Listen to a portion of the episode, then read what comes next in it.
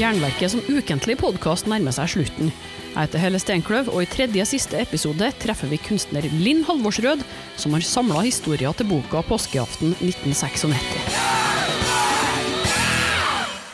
Men eh, du, før intervjuet er noe jeg må si. For det er ikke gratis å lage Jernverket, så om du vil støtte produksjonen av programmet, er det helt genialt om du vil donere et par slanter. Det går an å trekke et fast beløp hver måned via patrion.com jernverket, eller gi en enkeltsum via VIPS nummer 567438. Informasjonen og lenkene står i episodebeskrivelser, og beløpet er selvsagt valgfritt. Bidraget går rett til Jernverket. Tusen takk for alt jeg har fått inn hittil. Jeg er takknemlig for hver eneste krone.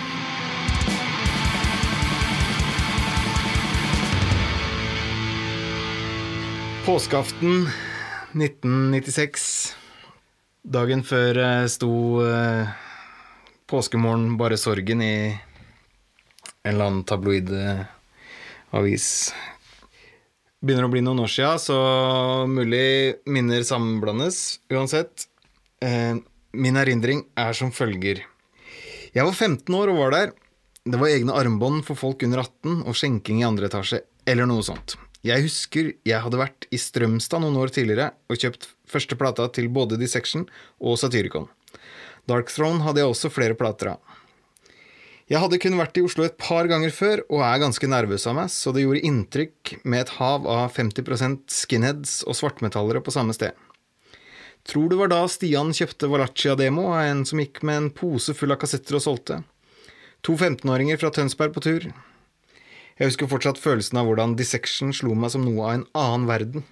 De spilte fletta av alle den kvelden, og sto oppført som åpner. Ai, ai, ai. Minner.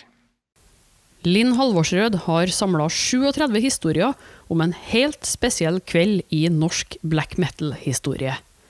Påskeaften 6. april 1996. A Night of Unholy Black Metal da Dark Throne, Satyricon og Dissection spilte på Rockefeller. Aldri før hadde så mange i Norge vært samla for å høre black metal. Det var den første store konserten til Satyricon, sannsynligvis en viktig kveld for Dissection, og den aller siste konserten til Dark Throne. Hvorfor er det så mange som fortsatt snakker om det? Og hvorfor blir konserten sett på som et brytningspunkt i black metal? I boka 'Påskeaften 1996' forteller publikummere og artister det de husker på fra begivenheten. I denne Jernverk-episoden snakker jeg med kunstner, musiker og nå redaktør Linn Halvorsrød om ideen, arbeidet og litt til, ispedd utdrag fra boka lest opp av dem som skrev bidraget. Sånn. Hallo, hallo. Ja. Ja. Da ser det ut som du tar opp, eller? ja, nå tar jeg opp. Perfekt. Da kjører vi. Jeg har endelig fått med meg Linn Halvorsrød på Jernverket podkast. Og det var ikke så veldig lett. Det syns du var litt skummelt, Linn? Ja, kanskje det. Jeg var redd det skal bli kjedelig, da. Så um, hvis det skal bli kjedelig, så har jeg forberedt. fordi for ganske mange år siden så lagde jeg et radioprogram. Så det har jeg egentlig klart. da Så hvis det er noe jeg ikke vet hva jeg skal svare på, sånn, så kan jeg bare sette på det radioprogrammet, tenkte jeg. Skal vi høre litt Det med høres ut som en god plan. Ja. For, for det radioprogrammet, det var ikke kjedelig, det var, det var artig. Hører du det? Jeg, jeg hører det som en sånn her merkelig lydkulisse som sikkert kunne ha vært eh, en installasjon på Avant Garden eller noe sånt. Ja. Ja. ja, jeg tror kanskje det blir litt kjedelig hvis det står på hele tida.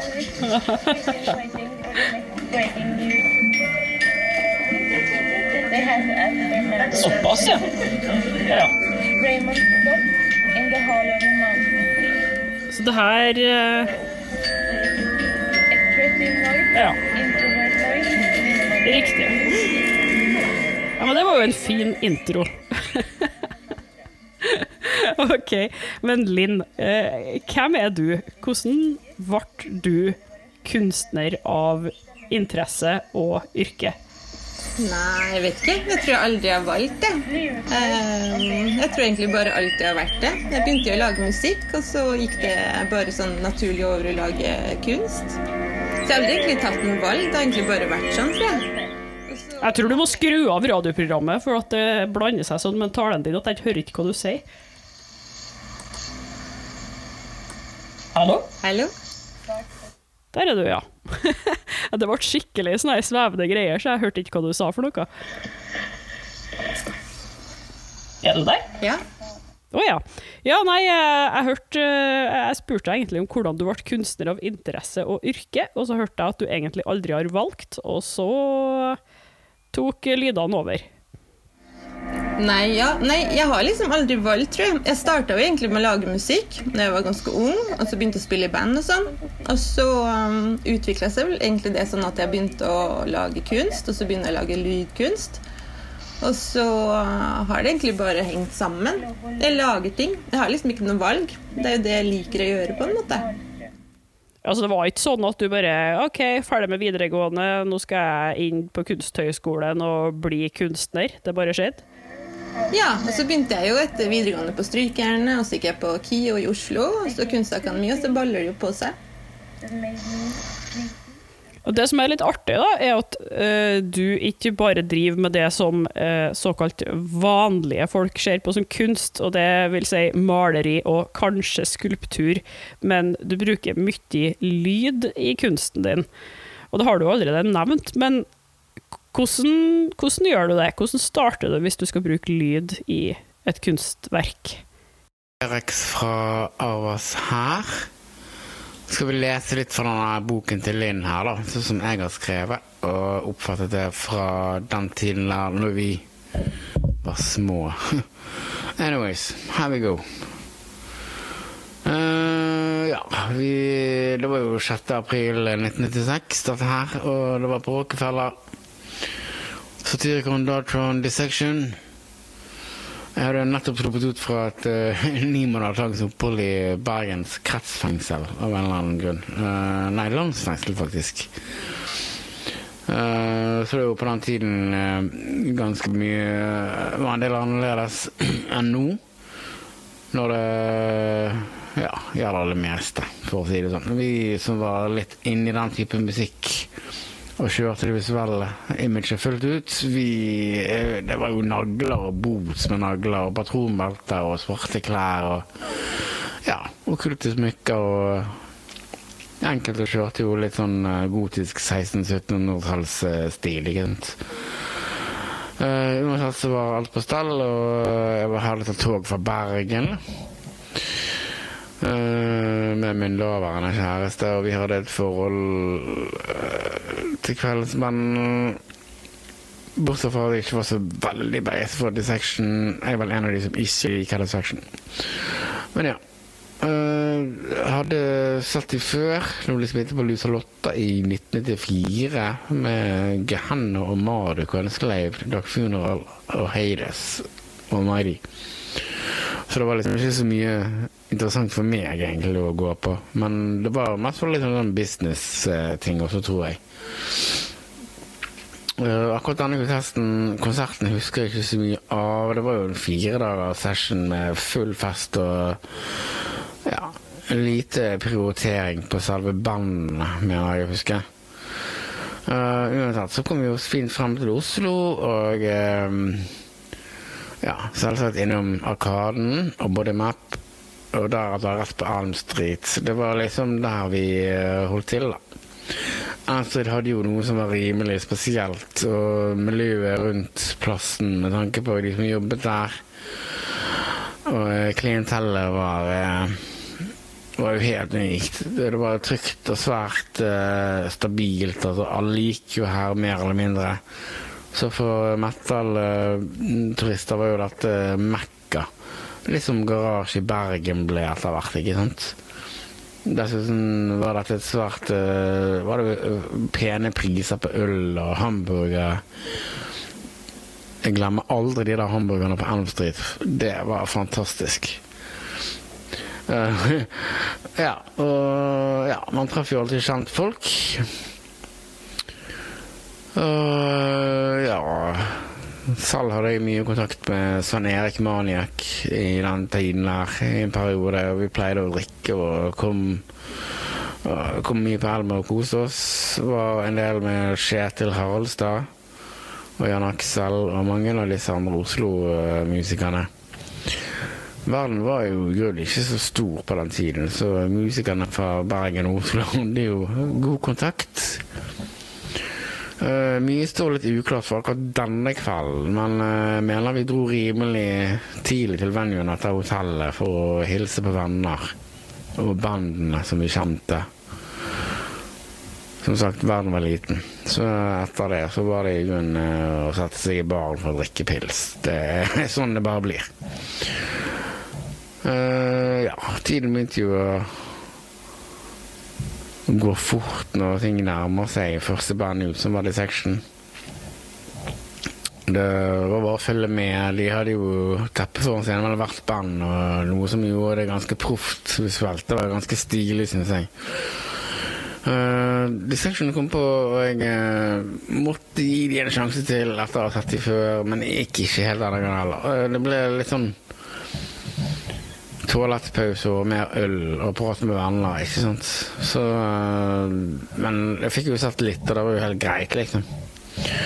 Så var det Dark Throne. og de sto jo rimelig etter forventningene. Jeg var ganske så glad for at, de, for at det ble som det ble. Uh, og de kompletterte jo lineupen med Sigurd på bass av alle ting. Hun syntes det var helt streit. Og midt under settet så ville ut at det var nok, og så stikker han av. Uh, du har jo mange årsaker til det. Men sånn er det bare. Uh, ja. Det var jo egentlig det. Uh, det var jo ikke så ille. Man fikk jo sett bandet live. De spilte, mye, de spilte mye bra ting, og det var veldig greit, da. Uh, så kom jo Satyrikon, og det var jo kjempetøft, egentlig. Jeg synes det var fett at de uh, hadde Mother North-videoen på skjerm og greier. Det var dritbra. Det var jo første gigen til Satyricon. Uh, Lineupen var vel Sigurd på vokal og uh, Ted fra Darktron på uh, gitar. Så var det jo Kjetil på trommer, selvfølgelig, og Kenneth på uh, bass.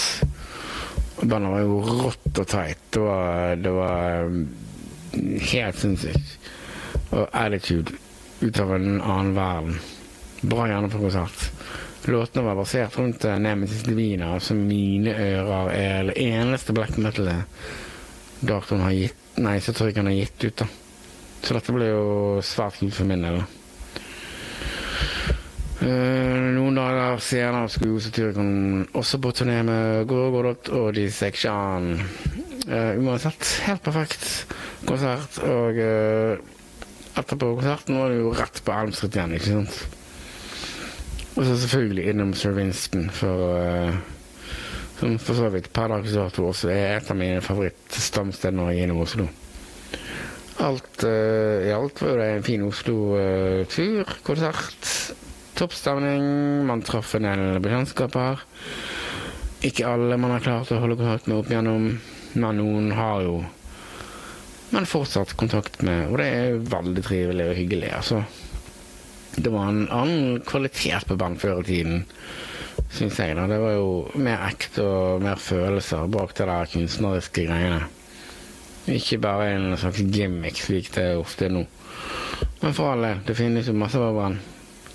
Masse bra musikk nå òg. Jeg må bare lete litt hardere enn før for å finne det som jeg egentlig vil ha. Men det var det. Cheers and have a good time. Men jeg starter jo liksom ikke med å tenke å, nå skal jeg lage et lydkunstverk. På en måte Jeg får jo som regel en idé, da. Og så manifesterer det seg på en eller annen måte. Og så noen ganger så blir det lyd. Uh, ja. Hva, hva er det greiene i bakgrunnen? Er det det radioprogrammet, eller er det noe annet? Hæ? Hvis du lurer på hvordan jeg lager lydkunst, så er det jo radioprogrammet som er bra, da. Det er litt Ja. Det var i bakgrunnen, ja. Ja, OK, men vet, vet du hva? Vet du hva vi kan gjøre for at For at det her skal bli hørbart? Du kan sende det til meg, og så kan jeg legge det på i etterkant. For nå, nå høres det bare ut som du er ute og går i trafikken, og så at lyden brytes hele tida.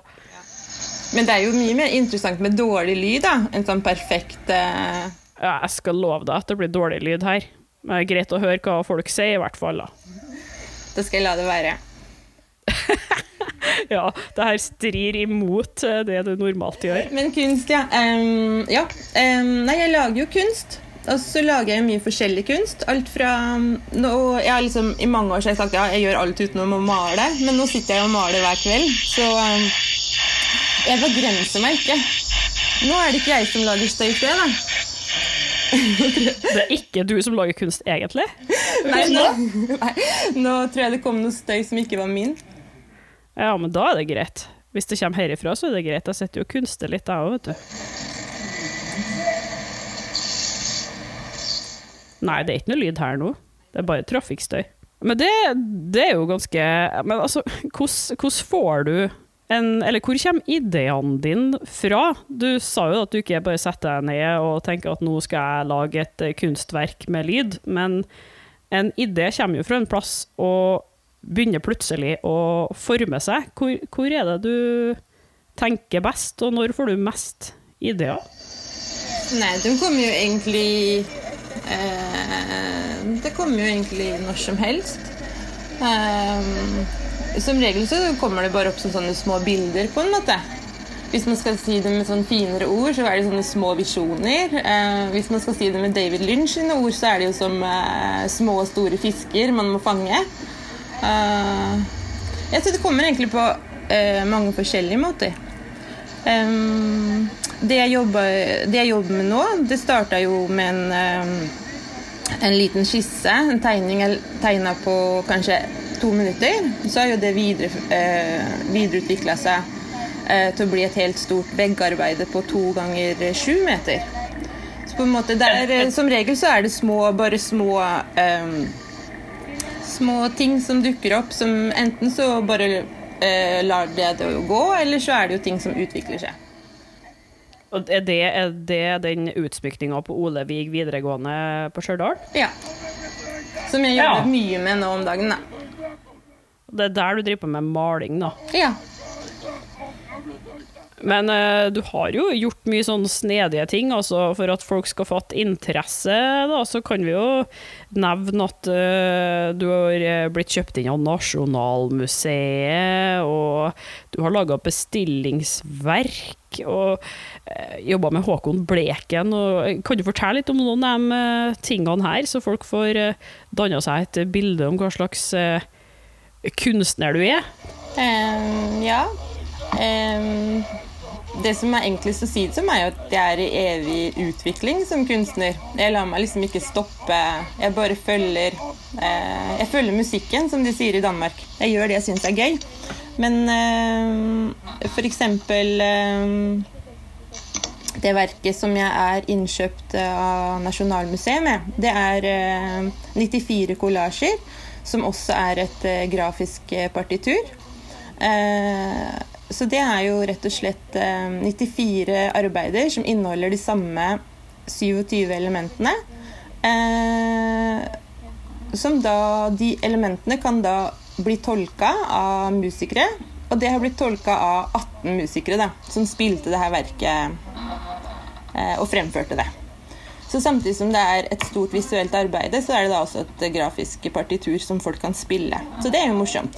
Så jeg beveger meg på en måte Jeg har hele tiden liksom bevega meg mellom kunst og musikk, da, og tilbake igjen. Så det kommer jeg tilbake til hele tiden, egentlig. Ja.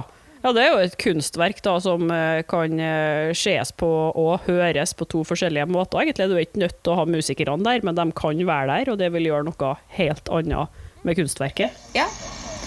Og der er det jo, I det verket så er det mye rom for improvisasjon, og det liker jeg godt. da. Det er et åpent arbeid der eh, musikerne på en måte må tolke de elementene selv. Og eh, det blir helt forskjellig sikkert hver gang det blir satt opp. da.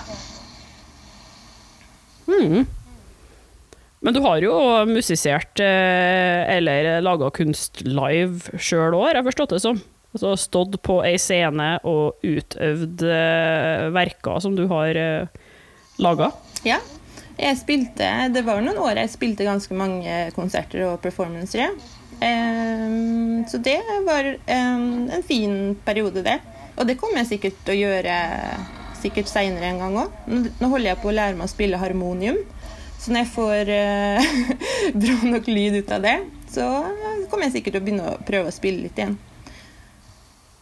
Mm, stilig. Men vi skal jo komme til, til det som eh, black metal-bermen selvfølgelig er mest interessert i, da, og det er jo bok. For du sier du begrenser ikke deg som kunstner, og nå har du òg laga ei bok. Det vil si, du er redaktør for ei bok der du har fått ganske mye folk til å bidra. Påskeaften 96. Lørdag 6. april 1996 dro jeg i ensom majestet fra Trysil til Oslo for min første tur på Rockefeller. Jeg hadde hørt rykter om at Satyricon og Dissection skulle spille, men når også Darktron annonseres, ble billett umiddelbart innkjøpt. Jeg hadde fått høre om sjangeren black metal på tidlig 90-tall, faktisk sent 80-tall, men eh, da visste vi ikke hva sjangeren het men i forbindelse med utgivelsen av albumet 'A Blaze in the Northern Sky' i 1992 nådde nyheten om denne skumle sjangeren Trysil. Det var allikevel ikke før utgivelsen av albumet 'Under a Funeral Moon' i 1993 jeg for første gang fikk høre musikken. Jeg kjøpte 'Under a Funeral Moon' og Bursum-debuten samtidig på den lokale platesjappa Rilla platebar i Elverum.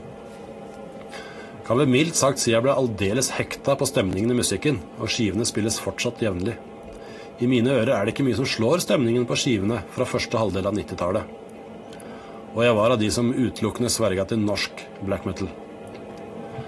Etter at Under a Funeral Moon kom i hus, tok det ikke lang tid før Soulside Journey også ble kjøpt. Skal ærlig innrømme jeg skjønte lite. Var det to band med samme logo, eller? Når så Blaze in the Northern Sky ble innkjøpt, datt bitene på plass. Her var det utvikling.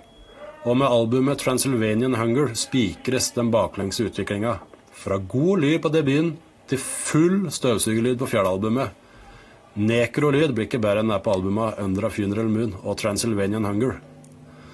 Så fulgte albumet Panzerfaust, som for øvrig inneholder tidenes feteste black metal-vokal på låta Quintessence, og i januar 96 kom albumet Total Death. I mine ører er Darktron det aller ypperste av norsk, og ikke bare norsk, black metal. Et par uker før konserten kjøpte jeg Dissection-albumet Storm of the Lightsbane, og den falt i smak sjøl om det var poppa black metal. Jeg gleda meg i alle fall til å se Dissection. Jeg ankom Rockefeller i god tid før konsertstart, og som en landsens gutt på bytur var jeg spent på hvordan atmosfæren skulle være.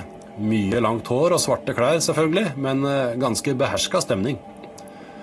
Siden jeg hadde vært på jobb tidligere på dagen, stilte jeg meg i bakkant av lokalet, men hadde fin utsikt til scenen fra litt bak miksebordet. Dissection leverte for øvrig et kanonbra sett. Den konserten står for meg som en av de absolutt feteste konsertene jeg har fått med meg, og jeg har vært på en del. De hadde knallbra lyd og spilte fantastisk bra. Jon Nøtvedt imponerte meg voldsomt med sitt gitarspill og vokalprestasjon. Publikum var også godt med på notene, så jeg tenkte det her kan bli en livat aften. Etter Dissection så var det Satyricon som skulle spille. Jeg hadde fått skikkelig sansen for Satyricon etter at de slapp The Shadow Throne. Og med Nemesis Divina satte de en ny standard for velprodusert black metal. Det var også fett å se Mother North på video før de gikk på, og med Hvite-Chris død starta de et veldig bra sett.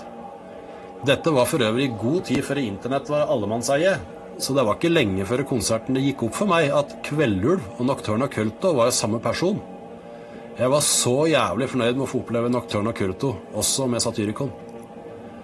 Responsen fra publikum var også veldig bra under Satyricon sitt sett. Etter Satyricon-settet var det god pause. Tenker at Kulto og Satyr hadde godt av å slippe seg litt ned etter Satyrikonsettet. For som alle veit, så var det Satyr som spilte bass for Darktron denne kvelden. Når så introen til Darktron startet, ble det nesten helt musestille blant publikum.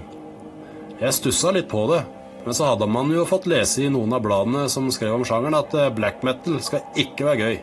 Man skal ikke kose seg, man skal hate. Og Det har jo versert mye skriverier om hvorfor publikum var så daue. Og jeg husker fortsatt godt Kultos utbrudd ute i settet. Hva faen tror du dette er? Jævla kirkegjengere! Var publikum slitne? Dritings? Jeg vet ikke. Men jeg var heldigvis klin edru. Og jeg kan skjønne at det er frustrerende å stå på en scene og få tilnærmet null feedback fra publikum. For det var en stille forsamling på Rockefeller denne kvelden. Men i mine øyne og ører var det pur magi, det som kom fra scenen. De åpna med 'Under a Funeral Moon', og jeg var allerede fornøyd. Jeg tror også at mangelen på respons trigga de tre på scenen, slik at kveldens andre låt, 'Blackwinged', ble levert i en illsint utgave. Den leveringa alene står i mine øyne som mitt mest minneverdige black metal-konsertopplevelse noensinne. Kun, og bare nesten, tangert av Mork med Nocturne Occulto sin framførelse av Hudbreiderens revir under Furustokk i 2017. Altså over 20 år senere.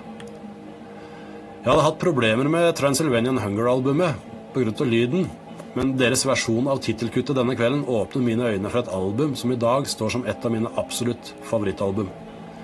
Hiten inne Shadow of the Horns' var selvfølgelig med, og etter en del om og men, heftig diskusjon blant de, på, de tre på scenen, så avslutter de konserten med Unholy Black Metal, som en tribute til låtskriver Sefyrios, som visstnok var til stede i salen.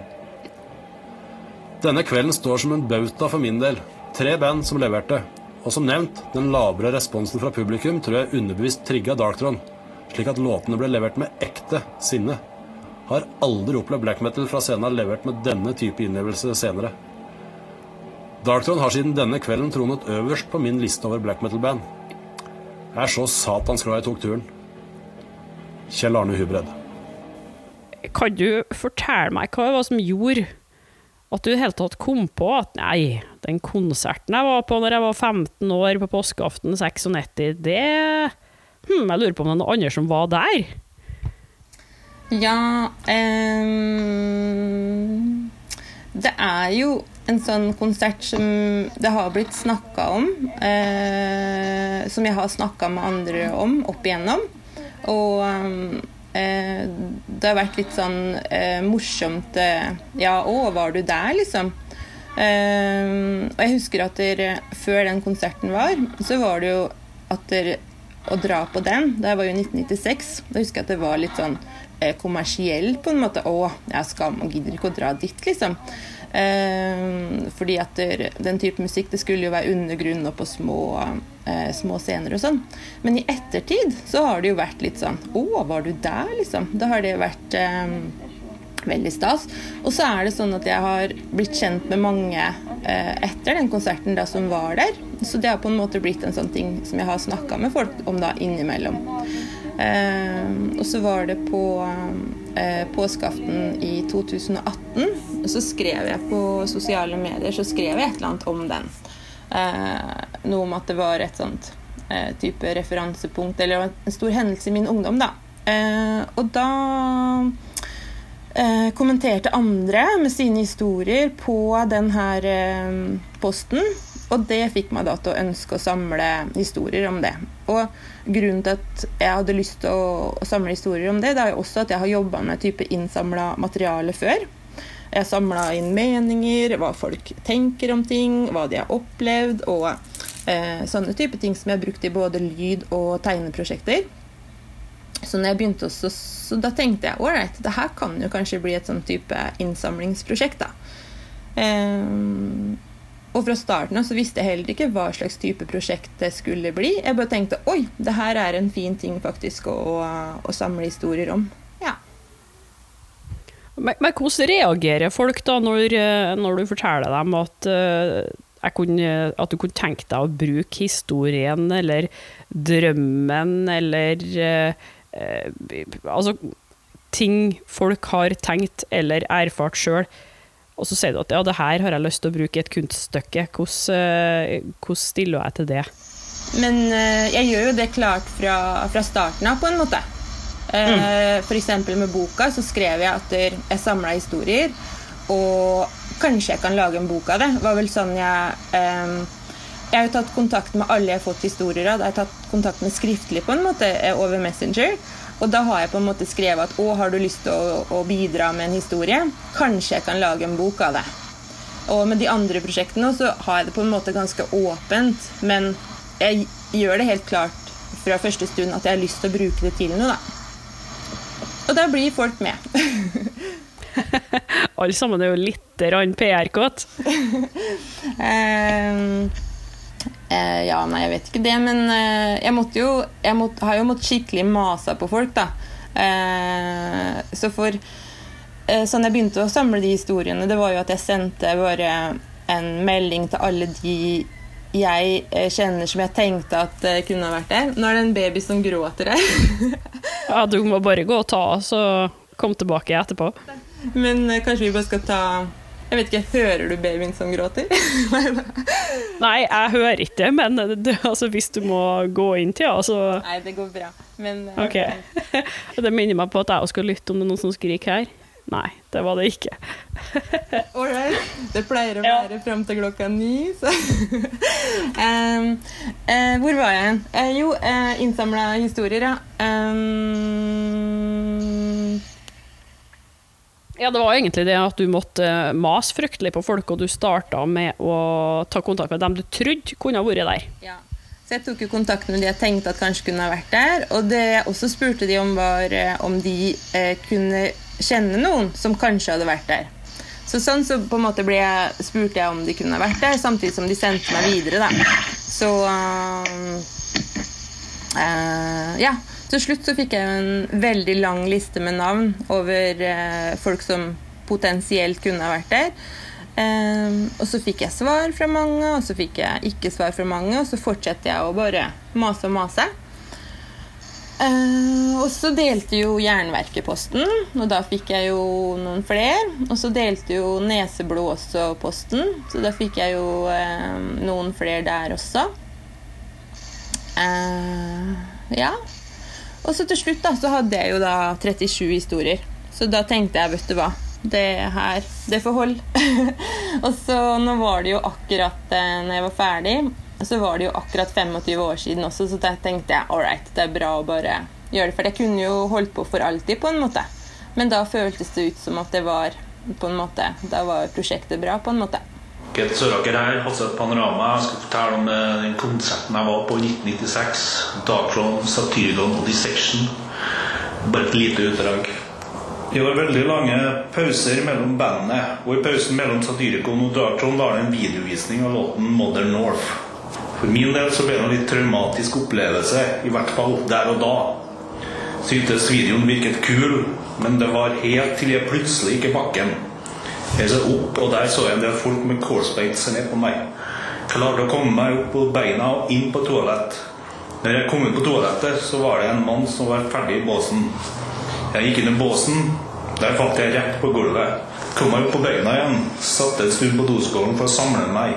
Gikk ut av doen og fram til scenekanten. Der sto min venn og kompisen hans. Jeg fortalte hva som hadde skjedd, og syntes dette var merkelig. Eh, Spesielt ettersom jeg ikke hadde drukket mer enn fem øl.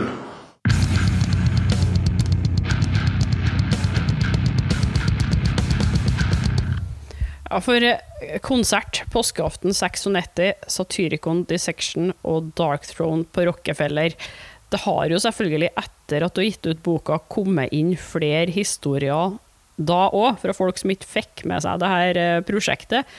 Eh, nå foregriper jeg begivenhetene her litt, men kunne det vært aktuelt å gi ut et volum to med alle de folkene som kommer nå og bare Hei, jeg vil være med. Nei, det syns jeg Nei, det kommer jeg aldri til å gjøre. Det får noen andre Nei, får noen andre komme på noen andre konserter. Du for eksempel, du må finne på en annen konsert eller en annen begivenhet å gjøre det samme om.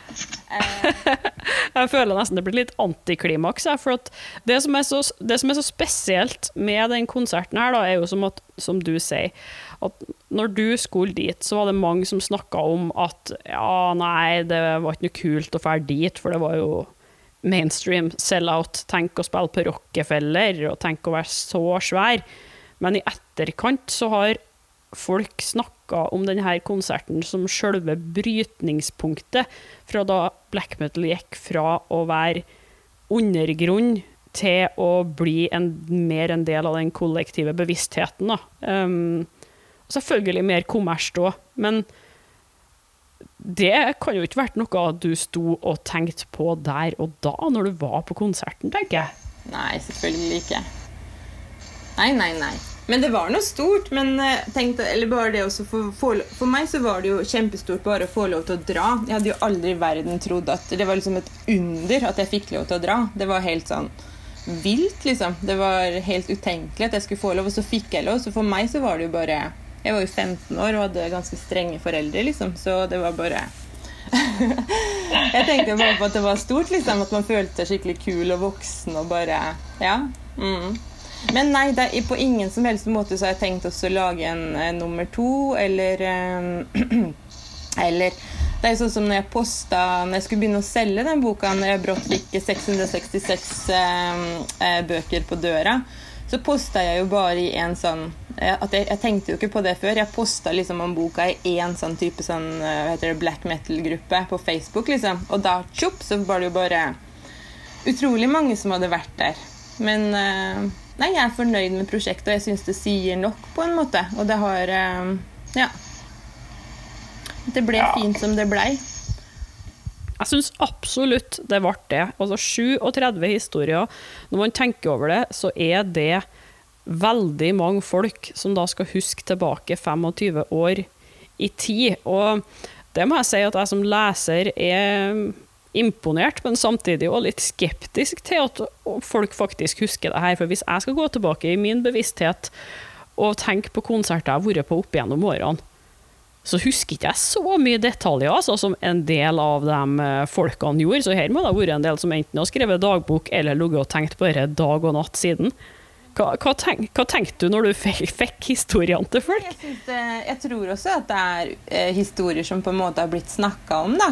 Og det her er jo subjektive Det er jo ikke noe sannheter i det her. Det er jo subjektive opplevelser. Og det jeg er interessert i også, det er jo rett og slett hvordan folk eh, husker.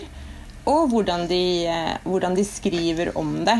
Og det de motstrider jo hverandre, mange av historiene. Men allikevel, så for hver lille historie, så blir på en måte uansett eh, bildet av konserten større, da. Men, uh, at, men alle husker jo helt forskjellig, og de aller fleste jeg har spurt, de husker jo ingenting. så, og de er jo ikke med, på en måte. Så um, de som er med, er jo de som har følt at de på en måte Enten at de har følt Ja, de har jo følt at de har noe å bidra med, men det er også, ja. Og så har jeg masa på mange òg, da. Um, men ja, nei, jeg tror at det er noe som mange har snakka om, på en måte. Så det er der, uh, der uh, detaljer og sånne type ting kan komme fra. Men så er det jo også noen som har bare helt Vi husker jo helt forskjellig, alle sammen. Det er jo noen som husker masse detaljer. Og det er, jo, det jo, forskjellen på oss, på en måte. Jeg husker jo ingenting fra konserten. så jeg husker jo bare at jeg sitter og er kjempesliten i trappa bak der og bare Å. Eh, men allikevel, så jeg husker jo mer fra starten på dagen, på en måte. Men uansett så husker jeg jo at det var en stor opplevelse, på en måte. Mm. Det er Roy Christensen her. Jeg eh, har blitt spurt om å bare lese ifra det lille jeg skrev. Det er jeg selvfølgelig ikke tenkt å gjøre. Jeg må jo si at når jeg leser alle de andre sine kommentarer, så tenker jeg Gud bedre var jeg virkelig på den konserten. Jeg husker jo ingen verdens ting. Veldig artig at, eh, at Dissection og Satyricon spiller. Og når jeg leste det var en som skrev noe om at de viste um, en video fra Satyricon, da, det var vel den Modern North-videoen jeg husker se, langt der borte at det var noe sånn her eh, Veldig fokus på at det var noe nakendansing. Og, og, det var sikkert den usensurerte versjonen de viste. Jeg, jeg bare får et sånt bilde av at jeg står der langt bak og, og ser de vise den videoen der. Eh, jævlig bra låt, må det nå selvfølgelig, selv om eh, ja, den er jo bra fremdeles, men eh, det skaper ikke samme entusiasme som det gjorde den gang da. Konserten eh, gikk jo sikkert eh, som den skulle. Eh, og, og, eh, så var det jo tur for dartshowen, da. Og ja da. Det er rart å tenke tilbake på at bare liksom stoppa. Det er jo det selvfølgelig flere skriver det i boka di, Linn. Men at det bare stoppa, og så gikk de bare av scenen, og så skjønte ingen noe som helst. Jeg tenkte ikke noe spesielt over det. Jeg sto langt bak der, kort hår og ja, det var ikke mye metal, men ehm, ja, jeg husker i hvert fall at det var veldig rart. Eh, Det er også litt artig, og det, det tror jeg jeg glemte å skrive. Men jeg husker Rockefeller motsatt. Altså Når jeg går opp og, og stiller meg bak der, så, så er det akkurat som jeg kommer inn fra motsatt side og går opp trappa eller opp den der lange gangen og, og stiller meg bak der. Og så er scenen på motsatt side der som galleriet. Helt merkelige greier. Men det er sånn det blir med årene, og hvis man ikke sitter og reflekterer veldig over ting. og en fantastisk eh, et eller annet slags minne langt, langt, langt der borte. Men eh, ja, igjen, takk for boka. Jævlig kult. Som leser som ikke var der, da, jeg var jo altfor ung og hadde vel så vidt fått med meg black metal gjennom avisoppslag den gangen, men etter å ha lest boka, så tror jeg at jeg fort kunne bli en av dem, eller jeg kunne vært en av dem som hadde snakka på meg og vært der, sånn som det Sex Pistols-konserten som såkalt alle var på. For, for du får det bildet av konserten sånn som folk snakker om det, men samtidig er det òg alt det der litt sånn for at det er lenge siden, for at man var full. Hvilket band var det egentlig som spilte først? Hva sa Nocturno egentlig på scenen? Hvor mange låter spilte Dark Throne? Hadde Satyr skada handa si? Hva var greia der? Eh, hva syns du om Mother North? Og var det egentlig noen som brydde seg om Dissection? Altså, det er så mange varianter om hva folk syns var best, og hva de trodde, og hva de hørte. Og det syns jeg var, det var helt enormt artig å lese, og særlig at egentlig alt vel er fra publikum sitt ståsted. Nei, det er ikke det. Uh, nei, det er uh, uh, Det er Det er en fra, det er en fra, en fra Dissection, og så er det en som spilte Svartdal Halvorsen fra Satyricon. Vet du, glem det. Eh, Jeg forsnakka meg, for at jeg vet jo at det egentlig er to der. Men eh, jeg skal omformulere det jeg sa, at det aller meste er skjedd fra publikum. Men eh, Og det ja, som, det som eh, eh, Det som jeg har fått spørsmål i, i de andre intervjuene Nå har jeg gjort et kort intervju, et langt intervju og et sinnssykt langt intervju om boka. Og det alle, det alle har vært interessert i, det er jo liksom om, eh, om eh, hvordan eh, eh, Gylve Fenris fra Dark Throne har tatt det. Så, eh, men eh, Og det var egentlig eh, Når jeg hadde fått inn et par historier, og så tenkte jeg vet du hva, det her kan virkelig bli et prosjekt, så skrev jeg til han. Og han var på en måte ingen, på ingen som helst måte interessert i å, å være med på det her prosjektet. På ingen som helst måte. Men så, så han, skrev han også at der, ja, men folk kan jo lage prosjekter om hva de vil. Eh, så det klamrer jeg meg liksom fast til. Ja, folk kan lage prosjekter om hva de vil. Eh, men da da gikk jeg på en måte, da tenkte jeg hva er det jeg vil med det prosjektet her. Og det jeg er veldig interessert i, det er jo hendelsen i seg selv, men jeg er også veldig interessert i rett og slett hvordan folk eh, eh, husker, og hvordan de skriver om det. Eh, og folks subjektive ja, rett og slett eh, folks subjektive opplevelse. da. Og så tenkte jeg vel kanskje egentlig at, dere, at det bare skulle være fans, eh, eller de som var til stede. Men så, eh, men så har jeg på en måte hva man kaller det en åpen prosess. Og så var det en som sa ja, kan du ikke spørre han Svartalv Halvorsen? Og så tenkte jeg bare ja. Men så gjorde jeg det, da. Eh, og så da hadde det på en måte tatt en litt annen sving. Og så, eh, og så var det en som sa ja, men kan du ikke bare spørre han Topias Kellgren fra Dissection? Og så spurte jeg liksom han også. Og da, ja, så da ble det på en måte også noen av musikerne, da. Ja, for det var egentlig sånn jeg skulle stille spørsmålet. At jeg, jeg syns det var veldig ofte, når det skrives bøker om musikk, og også om hendelser, så fokuserer forfatterne og redaktørene gjerne på musikerne sitt ståsted. Sånn at det ofte er dem som har hovedstemmen i det hele. Men det som er veldig ålreit her, er at antallet musikere og av dem som var på scenen og så ut og, og sånt, det er lite, mens hovedvekta er publikummet som så dem. Og det gjør det jo veldig nært òg, for at de fleste av oss er jo bare fans. Vi aner jo ikke Altså, det, det musikerne opplevde, vil aldri være det samme som vi opplevde. Og så har jeg vært veldig Jeg har jo, eh, jeg har jo gitt ut boka selv, men eh, jeg prøvde også å, få den gitt ut på noen forlag. Og da var det ett forlag som syntes det var spennende, men de ville gjøre noen sånn redaksjonelle grep på teksten. På alle sine tekster. Og det ville jeg på ingen som helst måte. Jeg ville at det skulle være akkurat deres stemme. At den skulle stå eh, Alle måter de skrev på, skulle være sånn den var. For at det, perfekt eh, skrevet tekst på en måte som er helt sånn Ja, det kan, man, eh, det, kan man, eh, det kan man lese hvor som helst, på en måte. Jeg liker alle de forskjellige stemmene, og jeg liker at de er forskjellige, og at det på en måte er, er ganske rått, da. Eh, og så, samme også så var det et annet selskap som var interessert. De ville ha bilder. Og det vil jeg heller ikke ha med. Det har også vært ganske sånn hardt på. At der, eh, jeg ville at det på en måte skulle være orda og historiene som sto i fokus. på en måte. Alle liker jo visuelle ting, og det er lettere, og det bare kommer mot deg. liksom. Men jeg vil virkelig at man skal gå inn i de her historiene og se på det kun gjennom orda. da. Det er jo mye lettere å lage egne bilder òg, når du ser bare ordene. Og jeg så for meg hver enkelt person og var litt inni hodet til vedkommende, da. Og det hadde jo aldri kommet til å skje hvis det var et konkret bilde der.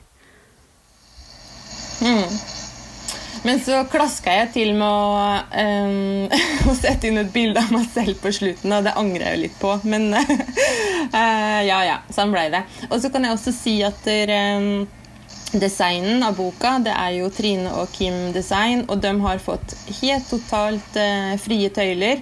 Eh, jeg spurte om de ville gjøre det, og de sa ja. Og de har bare gjort akkurat som de ville. Jeg hadde ingen føringer i hele tatt. Og det, eh, hvis jeg skulle ha designa den, så hadde den blitt Eller min type estetikk passa ikke til det her eh, prosjektet her, da. Jeg lagde jo jeg lagde jo designen eh, Kjæresten min har jo et sånn type metal, black metal-blad. Så lagde jeg designen til hans eh, blad en gang. Og det husker det var noen som skrev at der, eh, det, det så ut, designen så ut som om det var en gæren dame som hadde lagd det. Med ting, ting hun fant i skuffen til bestemora si. Og det stemmer jo egentlig òg, da. Men, men det passa ikke. Så det var bare Og Kim Sølve han har jo også bidratt med den siste historien i boka. Eh, Så det var bare utrolig, utrolig fint at de har gjort eh, designen, og jeg er så glad. Og jeg, når jeg- så den for første gang, så ble jeg rett og slett bare superlykkelig. Så samarbeidet med dem eh, anbefales virkelig. De har jo lagd mange fine cover òg. Ja, det, det klær boka veldig bra, og du svarte egentlig på det spørsmålet jeg hadde med hvorfor du ikke ville gjøre, eller lage omslaget sjøl, da. Jeg er nok selvinnsikt å se at ikke det passa, heldigvis. ja. Men du, som vi tidligere snakka om, så snak, er det jo flest publikummere som har delt historier. Du tok kontakt med Gylve, og så ble det jo noe med Svart alv eh, og eh, han fra Dissection. Men eh, tenkte du noen gang på å ta med noen, altså, noen av de mer fremtredende medlemmene her, da, sånn som uh, Sigurd Von Graven, eh, Satyr, eller, uh, eller noe sånt? Eller var det liksom for, for svært? Nei, nei, eller Vet du hva, jeg er faktisk usikker på om jeg Samtidig som jeg sendte melding til Gylve Fenris fra Dark Throne, så kan det faktisk hende at jeg også samtidig sendte til eh, Satyricon. Det er jeg faktisk litt usikker på. Men etter at jeg fikk på en måte sånn et veldig nei fra um, eh, Gylve fra Darktron, så, bare, så brydde jeg meg ikke noe om det. på en måte. Det handla ikke om det for meg lenger. Det var, eh, det var ikke så viktig, tenkte jeg. Jeg hang mest på dassen og prata med folk under hele arrangementet. Jeg fikk med meg en del Dissection, litt satirikon og det meste av Darktron. En eh, scenearbeider sneik seg over scenen i mørket og satte opp piggtråd. Jeg hørte folk si at det var dårlig publikum, og at det var derfor Darktron gikk av etter fire sanger, men hello! Det skulle jo være anti-mosh. Ikke alle hadde fått med seg at det var blitt friskustid i Oslo. Hvilket band spiller du i, da? Jeg spiller ikke band, men det der er Isan fra Emperor. Ja, det der, tenkte jeg. Om jeg ikke husker helt feil, så hadde han på seg en brun ullgenser. Det syntes jeg var rart. Er du Isan? spurte jeg. Han nikka og sa ja. Jeg gjorde om stemmen min til sånn den var på NRK-dokumentaren Det svarte alvor, der vi bare så skyggen hans, og jeg sa ja, vi flytter langt vekk med en elektrisk gitar. Han smilte bare og gikk videre. Da Hellhammer dukka opp, så begynte jeg å mase på han. Wow! Hellhammer, jo! Eller noe i den duren. Skal vi bryte håndbak? Han sa ikke nei til det. Det var ingen bord der, så vi la oss ned på magen den lille gangen mellom gutta- og jentedassen midt i sølet. Det var vel sneipa overalt òg på den tida. Hellemer han gjorde kort prosess og lot som en tapt. Kjøpte med flere øl for meg. Han tok med meg også inn på jentedassen og sjekka dama. Han må ha vært en bra wingman, for før jeg viste ordet, det var ei dame som stakk tunga si langt bak i hersen min. Men har det frista etter det her nå? Altså 666 bøker.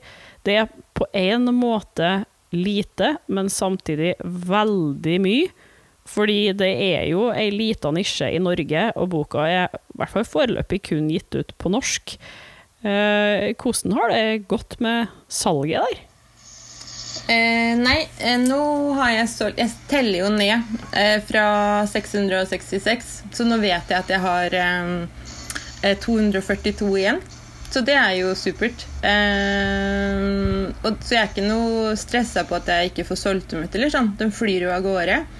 Eh, og jeg har ikke tenkt å gi ut noe andre opplag eh, selv, i hvert fall. Men eh, nå er det en som eh, jeg har lyst til å gi det ut på tysk, så det får vi jo bare, det får vi jo bare se. Eh, han spurte om han kunne eh, få gi den ut kanskje på tysk og engelsk. Og så sa jeg vel kanskje at oi, tysk er jo kult, da. Eh, vi får, vi får bare se hvordan det går. Og så um, Ja, det er jo ikke noe Den er ikke i trykken ennå, liksom. Men uh, ja, kanskje den blir på tysk. Men det er jo spennende. Vet du forresten om det var noe særlig utlendinger der? Jeg så jo at det er noen svensker som har skrevet at de kommer fra Göteborg, og for så vidt så er det jo nesten utlandet å reise helt, helt fra både Finnmark og Agder til Oslo på midten av 90-tallet, men eh, vet du om det var noe særlig andre folk fra rundt om i Europa og verden der? Nei, han tyskeren jeg har vært i kontakt med, han hadde eh, reist ned på den uh, Immortal-konserten året før. De hadde tenkt å reise på den, tror jeg, men det ble ikke noe av. Men ellers er det vel flere fra Sverige. Det var flere svenske historier jeg på en måte Flere, flere svensker som sa at de hadde lyst til å være med, men som til slutt så, så blei det ikke noe av, på en måte. Uh, men ja, det er jo to-tre svenske historier, ja. Mm. Mm. Hører du forresten at kaninen holder på å klikke i bakgrunnen her? Hører du, okay. at, hører du at baby gråter i bakgrunnen? Nei. Nei, bra. Du Da er det, da er det greit. Det hadde vært morsomt hvis vi hørte lite grann, men ikke sånn at det blir overdøva. For at eh, det her er jo litt av det å ha et lydmiljø, sant? Ja.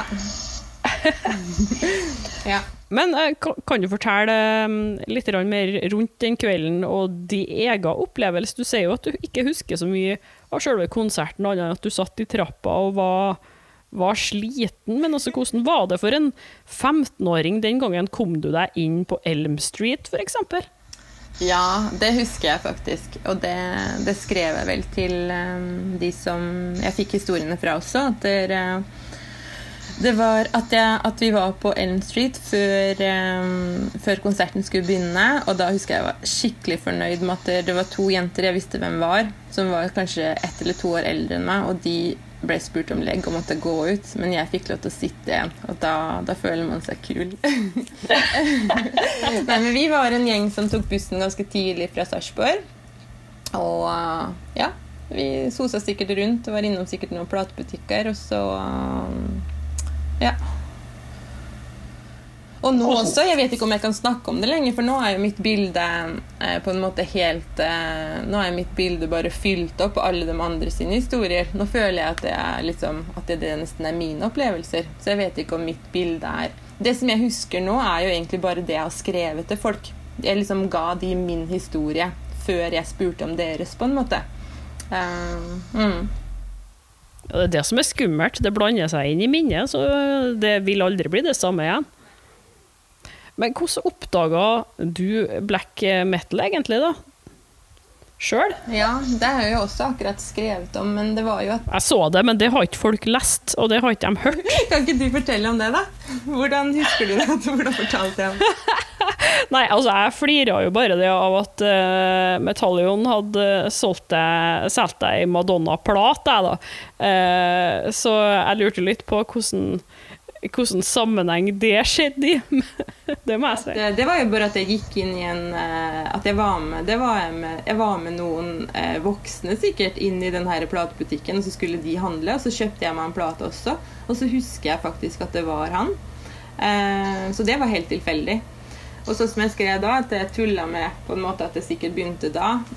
Og så sa jeg vel også at der, noen år etter det fikk høre Entombed, at jeg da fikk jeg helt tilfeldigvis en Entombed-vinyl. Og så hadde jeg jo ikke så mange vinyler, så jeg bare satt på den, og det bare var helt sånn Å gud, hva er det her? Det var jo helt forferdelig, men samtidig ganske Det føltes ganske tøft da, og tiltrekkende samtidig, liksom, så jeg hørte jo på det her, da.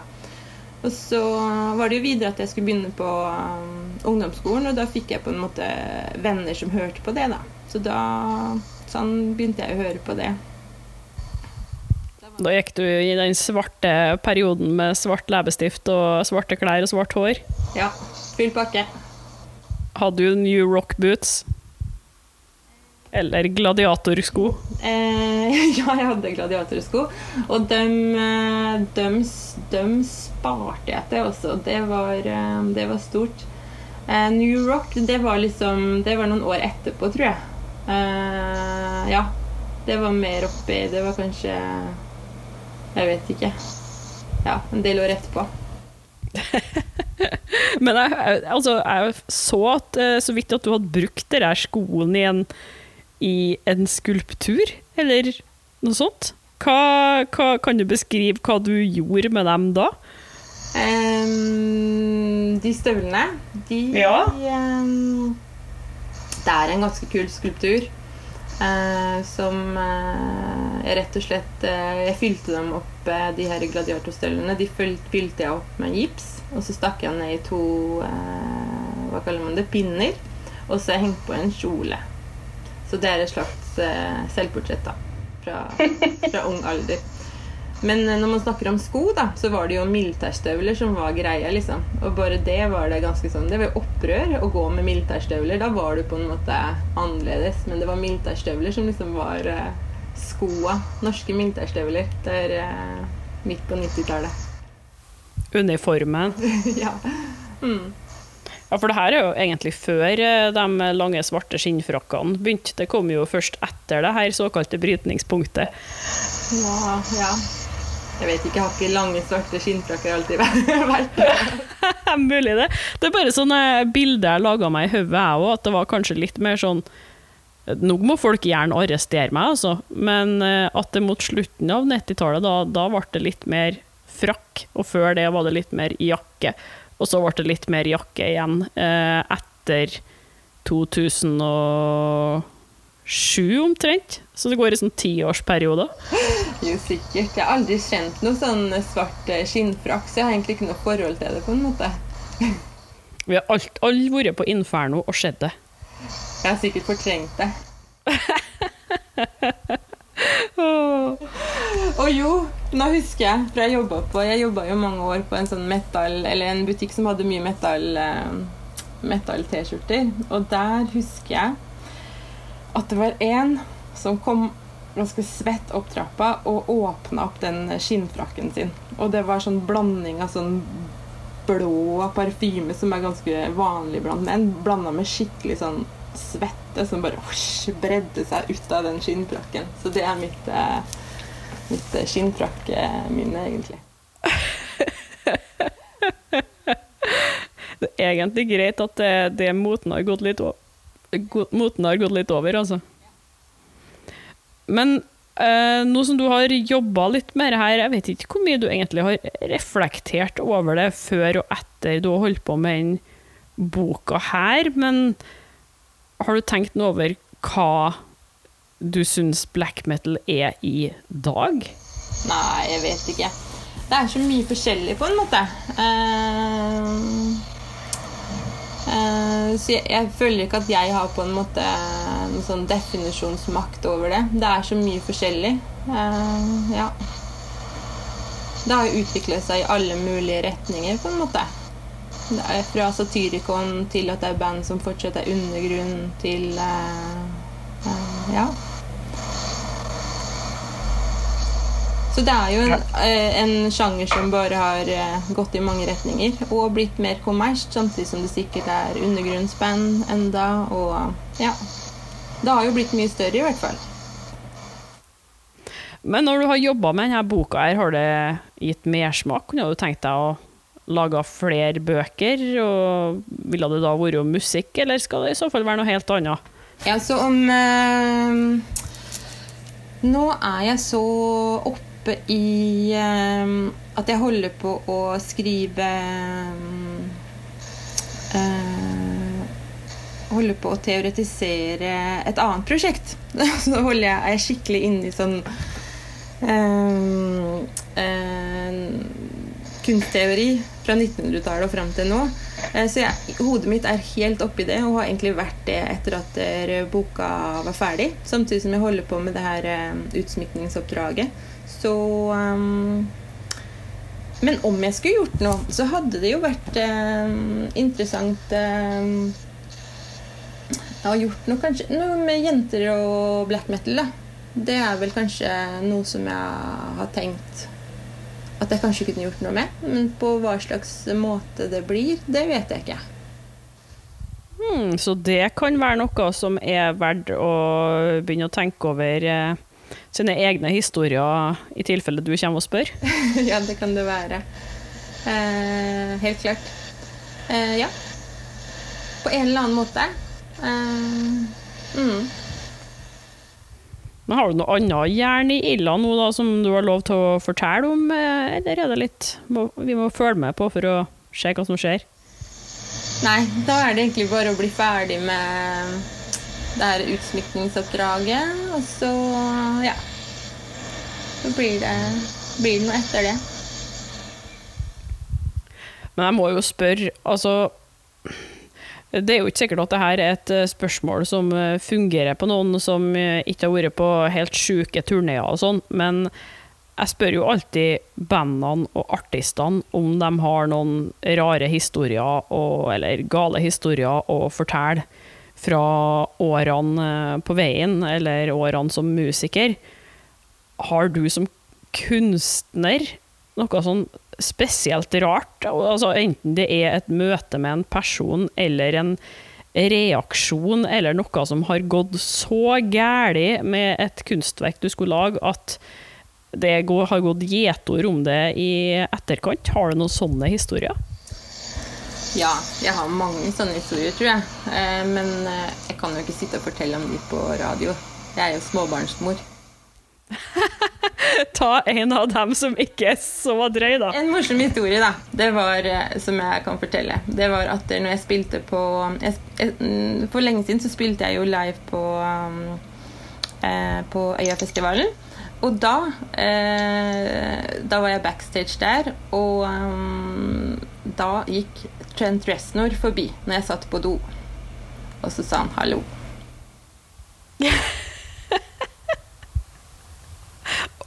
OK. Jeg, jeg kjenner at jeg er litt nysgjerrig på dassløsninga der, når Trent Reznor sa hallo til deg på, på dass. Ja, det kan du bare, kan du bare lure på. Ja. Men for oss, eller folk, som sikkert er en stor prosentandel av dem som hører på den podkastepisoden her, og ikke har peiling på, på, kunst av noe som helst slag, de aner kanskje ikke at det finnes et museum i den bygda de bor i engang. Har du noe forslag til folk som har lyst til å sette seg inn i en, en, en, kunstner eller gå på ei utstilling, et museum, um, gjerne rundt, rundt, omkring i Norges land, da, men ja, kanskje òg noe som er litt sånn knytta til, knytta til musikk, eller um, eller det mer morbide, rare eh, annerledes? Nei, jeg vet ikke. Ja, det må jo bare begynne med å google nese, neseblod, sier jeg. Eh, nese. Nese Grete Blod. Eh, Grete Neseblod. det er jo en veldig god start å begynne, da. En god norsk kunstnerinne. Du har hørt et intervju med Linn Halvorsrød fra juni 2021, krydra med minner fra boka 'Påskeaften 1996', lest inn av bidragsyterne sjøl. Neste uke har jeg leta frem en prat med Nature fra USA. We, that was another thing when we started. We like had some songs about like cold cuts and, and beer and stuff like that. it didn't have the same effect. I don't know. It just, Hvis ikke du gjør det ennå, så må du abonnere på Jernverket podkast via podkastapp, eller gå inn på jernverket.kom. Fortell alle du kjenner om podden, legg gjerne igjen ei god anmeldelse der du hører, og vil du bidra med noen kroner til Jernverket, så kan du gi støtte via Patrion eller VIPS. Info i episodebeskrivelser. Og husk på å følge Jernverket på Instagram og Facebook, der er det konkurranser, diskusjoner og musikktips. Akkurat nå kan du vinne to Audiopain-skiver fra Katakomben og Duplicate Records. Jeg heter Helle Steinkløv og er nå inn i siste ordinære sesong med Jernverket, men det blir hardrockintervju hver fredag til og med 2. juli. Etter det får vi se hva som skjer. Vi høres!